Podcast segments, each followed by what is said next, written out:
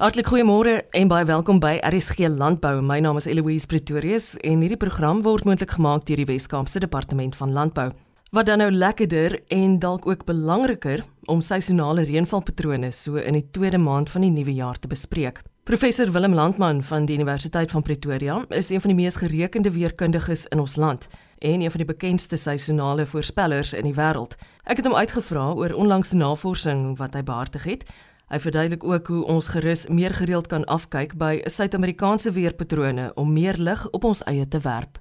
Ek kan eintlik nou in leuke taal iets interessants noem wat ek nou net uitgevind het om die waarheid te sê, is ek nou besig om dit op te stel vir 'n konferensie aanbieding. En uh die Suidoos Suid-Amerikaanse streek wat nou die suidelike dele van Brasilië, Uruguay, dele van Paraguay en Argentinië insluit. Hulle het die teenoorgestelde uitwerking. Hulle voel die teenoorgestelde uitwerking van El Niño en La Niña. In 'n woorde wanneer ons nou 'n El Niño droogte het, het hulle El Niño heerlike reën. Hulle kry meer reën wanneer ons droogte kry. En uh die voorspelbaarheid of van die seisoen oor hulle is groter as by ons.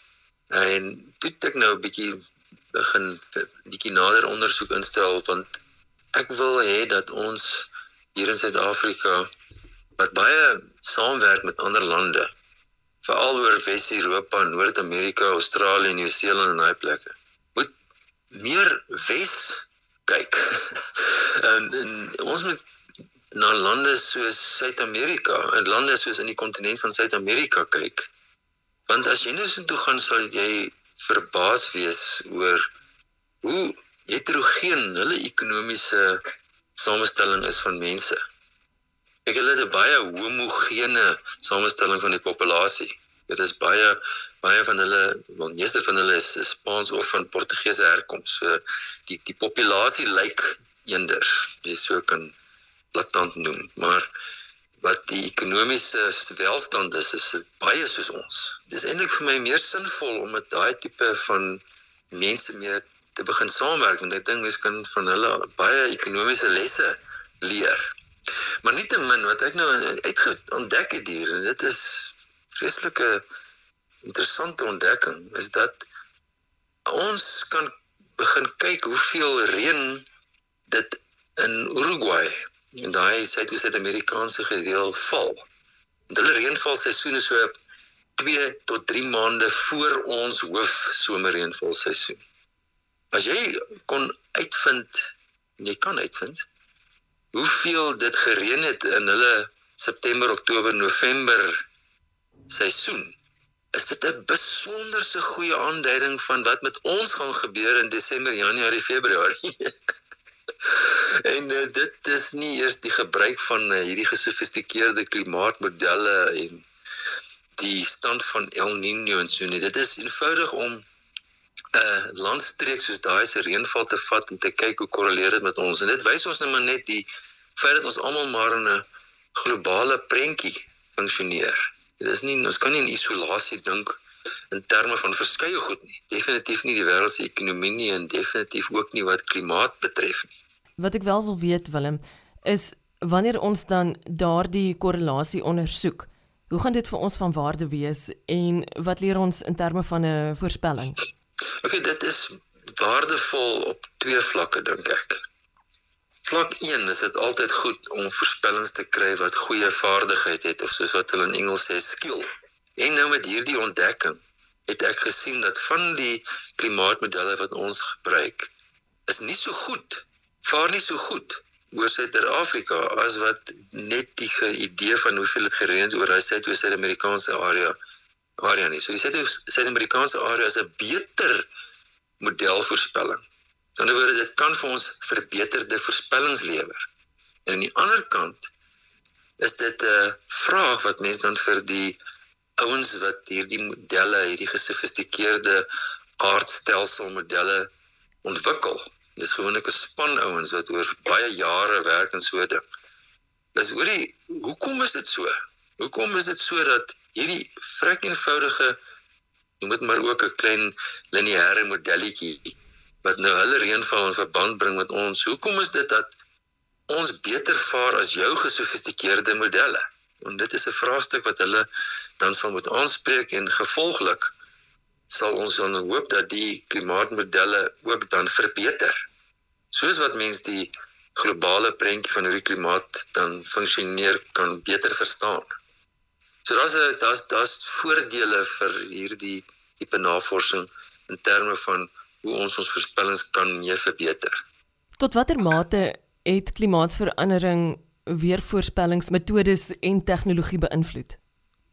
Ja, natuurlik is die klimaatsverandering aspek is 'n baie belangrike komponent wat mense nie kan nie dit ignoreer nie.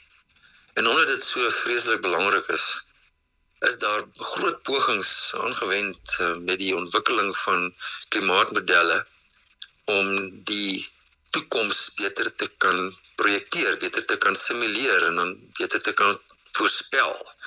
Die die voorspellings en aanhalingstekens wat mense nou doen oor verskeie dekades vooruit is nou anders as 'n voorspelling van die reën van môre of die voorspelling van 'n verwagting van 'n seisoen. Dit is meer van 'n 'n projeksie want dit is nou gebaseer op scenario's van hoe die atmosfeer se samestelling kan verander en in in in die situasie waarin ons self bevind met te veel steenkoolbrand byvoorbeeld. Maar soos wat modelle ontwikkel op daai tydskaal, kan die modelle wat dan ook gebruik word vir weervoorspelling daarbey baat. Want soos wat modelle verbeter, is die idee om dan die modelle te verbeter op alle tydskale van weervoorspelling reg deur tot multidekade klimaatprojeksies. So die klimaat veranderingskrisis waarin ons onsself bevind, het dan veroorsaak dat modelle op daai tydskaal verbeter en dit dan 'n uh, die Engels sê nou knock-on effek sekerlik vir die weermodelle wat uh, die daaglikse weer voorspel. Willem, kom ons praat oor reënval in Suid-Afrika vir Februarie maand. Wat is jou voorspelling? Ja, die voorspelling wat ek nou November en Desember gemaak het, het vir ons gewys dit lyk na 'n popnat seisoen. Ons gaan dit die reën wat ons sover gesien het oor groot dele van die land net sien bly voortduur. En die voorspelling wat ek toe saamgestel het in Januarie lyk toe minder rooskleurig. Daar uh, is so 'n tipe van 'n uh, 'n stasis, 'n periode van wat niks lyk my gaan gebeur nie. Die reënval oor groot dele van die land gaan so 'n bietjie stop lyk dit my. En dan soos wat ons nou weer nader aan die einde van die somerreënvalseisoen kom, dan tel die reënkanse weer op. Maar die areas waar die reënkanse dan voorspel word om op te tel, is meestal sentraal en oos. Dis nie regtig oor die westelike dele waar ons in die laat jaar baie reën verwag nie.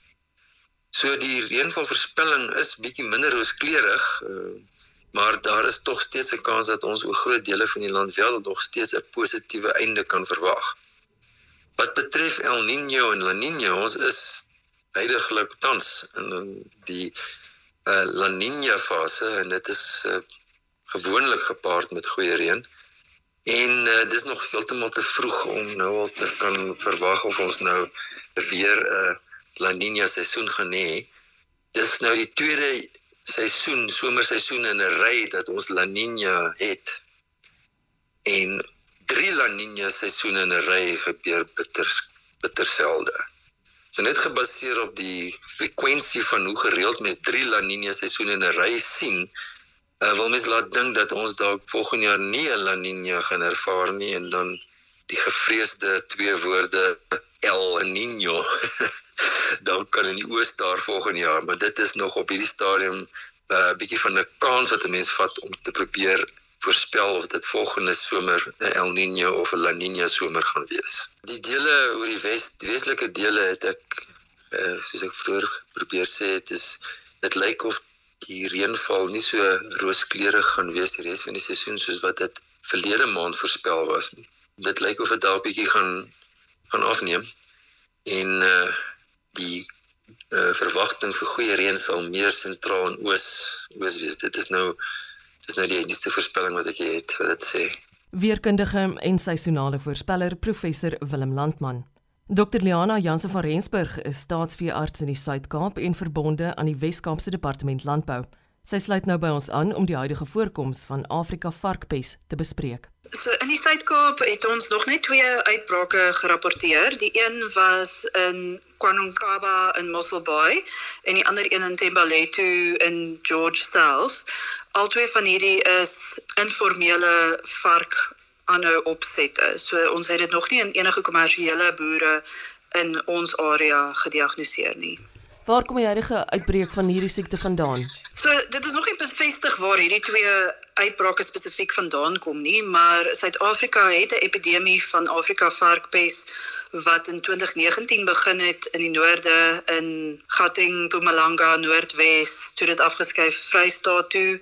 In 2020 was dit die eerste keer in die Oos-Kaap gediagnoseer en toe begin 2021 was dit in Kaapstad self ook in daai area gediagnoseer en van daar af het dit versprei. So ons is nou nie heeltemal seker of iemand van die Oos-Kaap dalk iets hiernatoe gebring het of iemand van Kaapstad se kant af dit hiernatoe gebring het nie, maar daar is baie opsies van waar dit kon gekom het. Hoe maak ons om die siekte te voorkom? So ongelukkig is daar nie 'n enstof vir Afrika varkpes tans beskikbaar nie. Daar is baie navorsing op die oomblik daar wat daarin gaan uh tot in by uh OVR in Pretoria maar daar is op die oomblik niks wat ons kan doen om dit te voorkom nie in terme van enstof nie en daar is ook geen behandeling nie. So op hierdie stadium moet mens net voorkom dat varke in kontak met die virus kom. En die enigste ding wat mens daar kan doen is biosekuriteit om seker te maak jou varke is op hok sodat hulle nie in kontak met ander varke kan kom nie om seker te maak enigiets wat in kontak met jou varke kom nie dalk gekontamineer is soos jou skoene of jou klere of tot jou hande of toerusting of voertuie enigiets wat in kontak met jou vark kom. Soos wat ons weet met covid ons moet saniteer om seker te maak dat ons hierdie virus oordra nie dieselfde met mense varke. As jy in kontak met varke was maak seker dat jy heeltemal skoon klere skoon skoene alles wat in kontak was skoon gemaak word voordat dit weer in kontak met varke kom. En dan ook in die voer self dat geen vleisprodukte vir varke gevoer word nie. As mens onseker is of daar vleis in byvoorbeeld kombuisreste of so iets is of dat dit in kontak met vleis was moet mens dit kook of gaar maak om seker te maak dat die virus geïnaktiveer word baie keer al wat mense sien is mortaliteit. So mense se varke is vandag nog lewendig, gesond, volgende dag is hulle net dood. Is as dit wel 'n bietjie meer eh, van 'n uh, kroniese siekte is, dan dan sien ons dat daar rooi vlekke op die val is. Daar is swakheid, asof die vark nie wil staan nie, veral in die agterlyf asof hy so bietjie rondswaai. Uh, hulle weier om te eet baie keer sukkel hulle om asem te haal. Mense kan sien dat daar bloeding by die neus of mond of bloederige diarree is. Baie van hierdie kan ook ander siektes wees, maar as mens so 'n kombinasie van hierdie sien en veral as daar skielik net baie vrektes is, dan dink mens Afrika varkpes kan een van hulle wees. Hoe aansteeklik is dit? So dis redelik aansteeklik, maar dit is nie 'n virus wat soos ons ding ons sê airborne is nie. So dit kom nie deur die lug nie, maar as dit in kontak kom, so varke wat met mekaar in kontak kom of 'n vark wat in kontak kom met enigiets wat gekontamineer is, kan dit redelik oordra. Veral goed soos bloed en vleis is redelik aansteeklik. So biosekuriteit weer eens is die beste ding wat mens kan doen. Omdat dit ook nie uit die lug uit kan kom nie, weet ons dat biosekuriteit werk om hierdie siekte te voorkom. Wat sou jy sê is die impak van Afrika varkpes? Afrika varkpes vir 'n uh, varkeienaar is 'n ramp want dit kan tot jou hele kudde van kant maak in 'n kort tydperk. So dit is dis baie erg as jy 'n varkeienaar is. 'n Mens moet teen alle koste voorkom dat dit in jou kudde inkom. Maar gelukkig infekteer die virus nie mense nie. So mense het nie 'n gesondheidsrisiko as hulle varkvleis eet of enigiets soos dit nie. So mense gesondheid sal nie geaffekteer word deur hierdie virus nie, maar die ekonomiese impak is redelik groot vir varkboere. Hoe maak ek sou ek nog navrae hê in die verband? Enige plaaslike staatsveeartskantoor, ons het baie inligting die die Suid-Afrikaanse Pork Producers Organisation het vir ons baie oulike pamflette op hulle webtuiste het hulle ook video's gemaak oor Afrika varkpes wat baie uh, insiggewend is. Maar enige plaaslike staatsveldkantoor sal kan help met meer inligting as ook om ondersoek in te stel indien iemand uh, vermoede het dat hulle die virus in hulle area het. En ek dink die heel belangrikste om te onthou is dat ons werklik net voorkoming het. Dit is die belangrikste, ja. Ja, ek dink bewusmaking op hierdie stadium is baie belangrik vir hierdie siekte omdat dit so wyd versprei is op die oomblik in Suid-Afrika is geen boer veilig in enige area nie. Almal moet bewus wees dat hierdie virus is in die ronde en dit kan in mense se vrieskaste saam met hulle varkvleis wees. So mense moet seker maak dat biosekuriteit op hierdie stadium 'n prioriteit is op enige varkplaas. So gesels staatsveearts Dr. Liana Janse van Rensburg. Onthou môre om kwart voor 12 is daar nog 'n aflewering van RSG Landbou om na uit te sien. Vind gerus vanoggend se program op www.elsenburg.com. Ek is Eloise Pretorius en ek groet jou tot dan.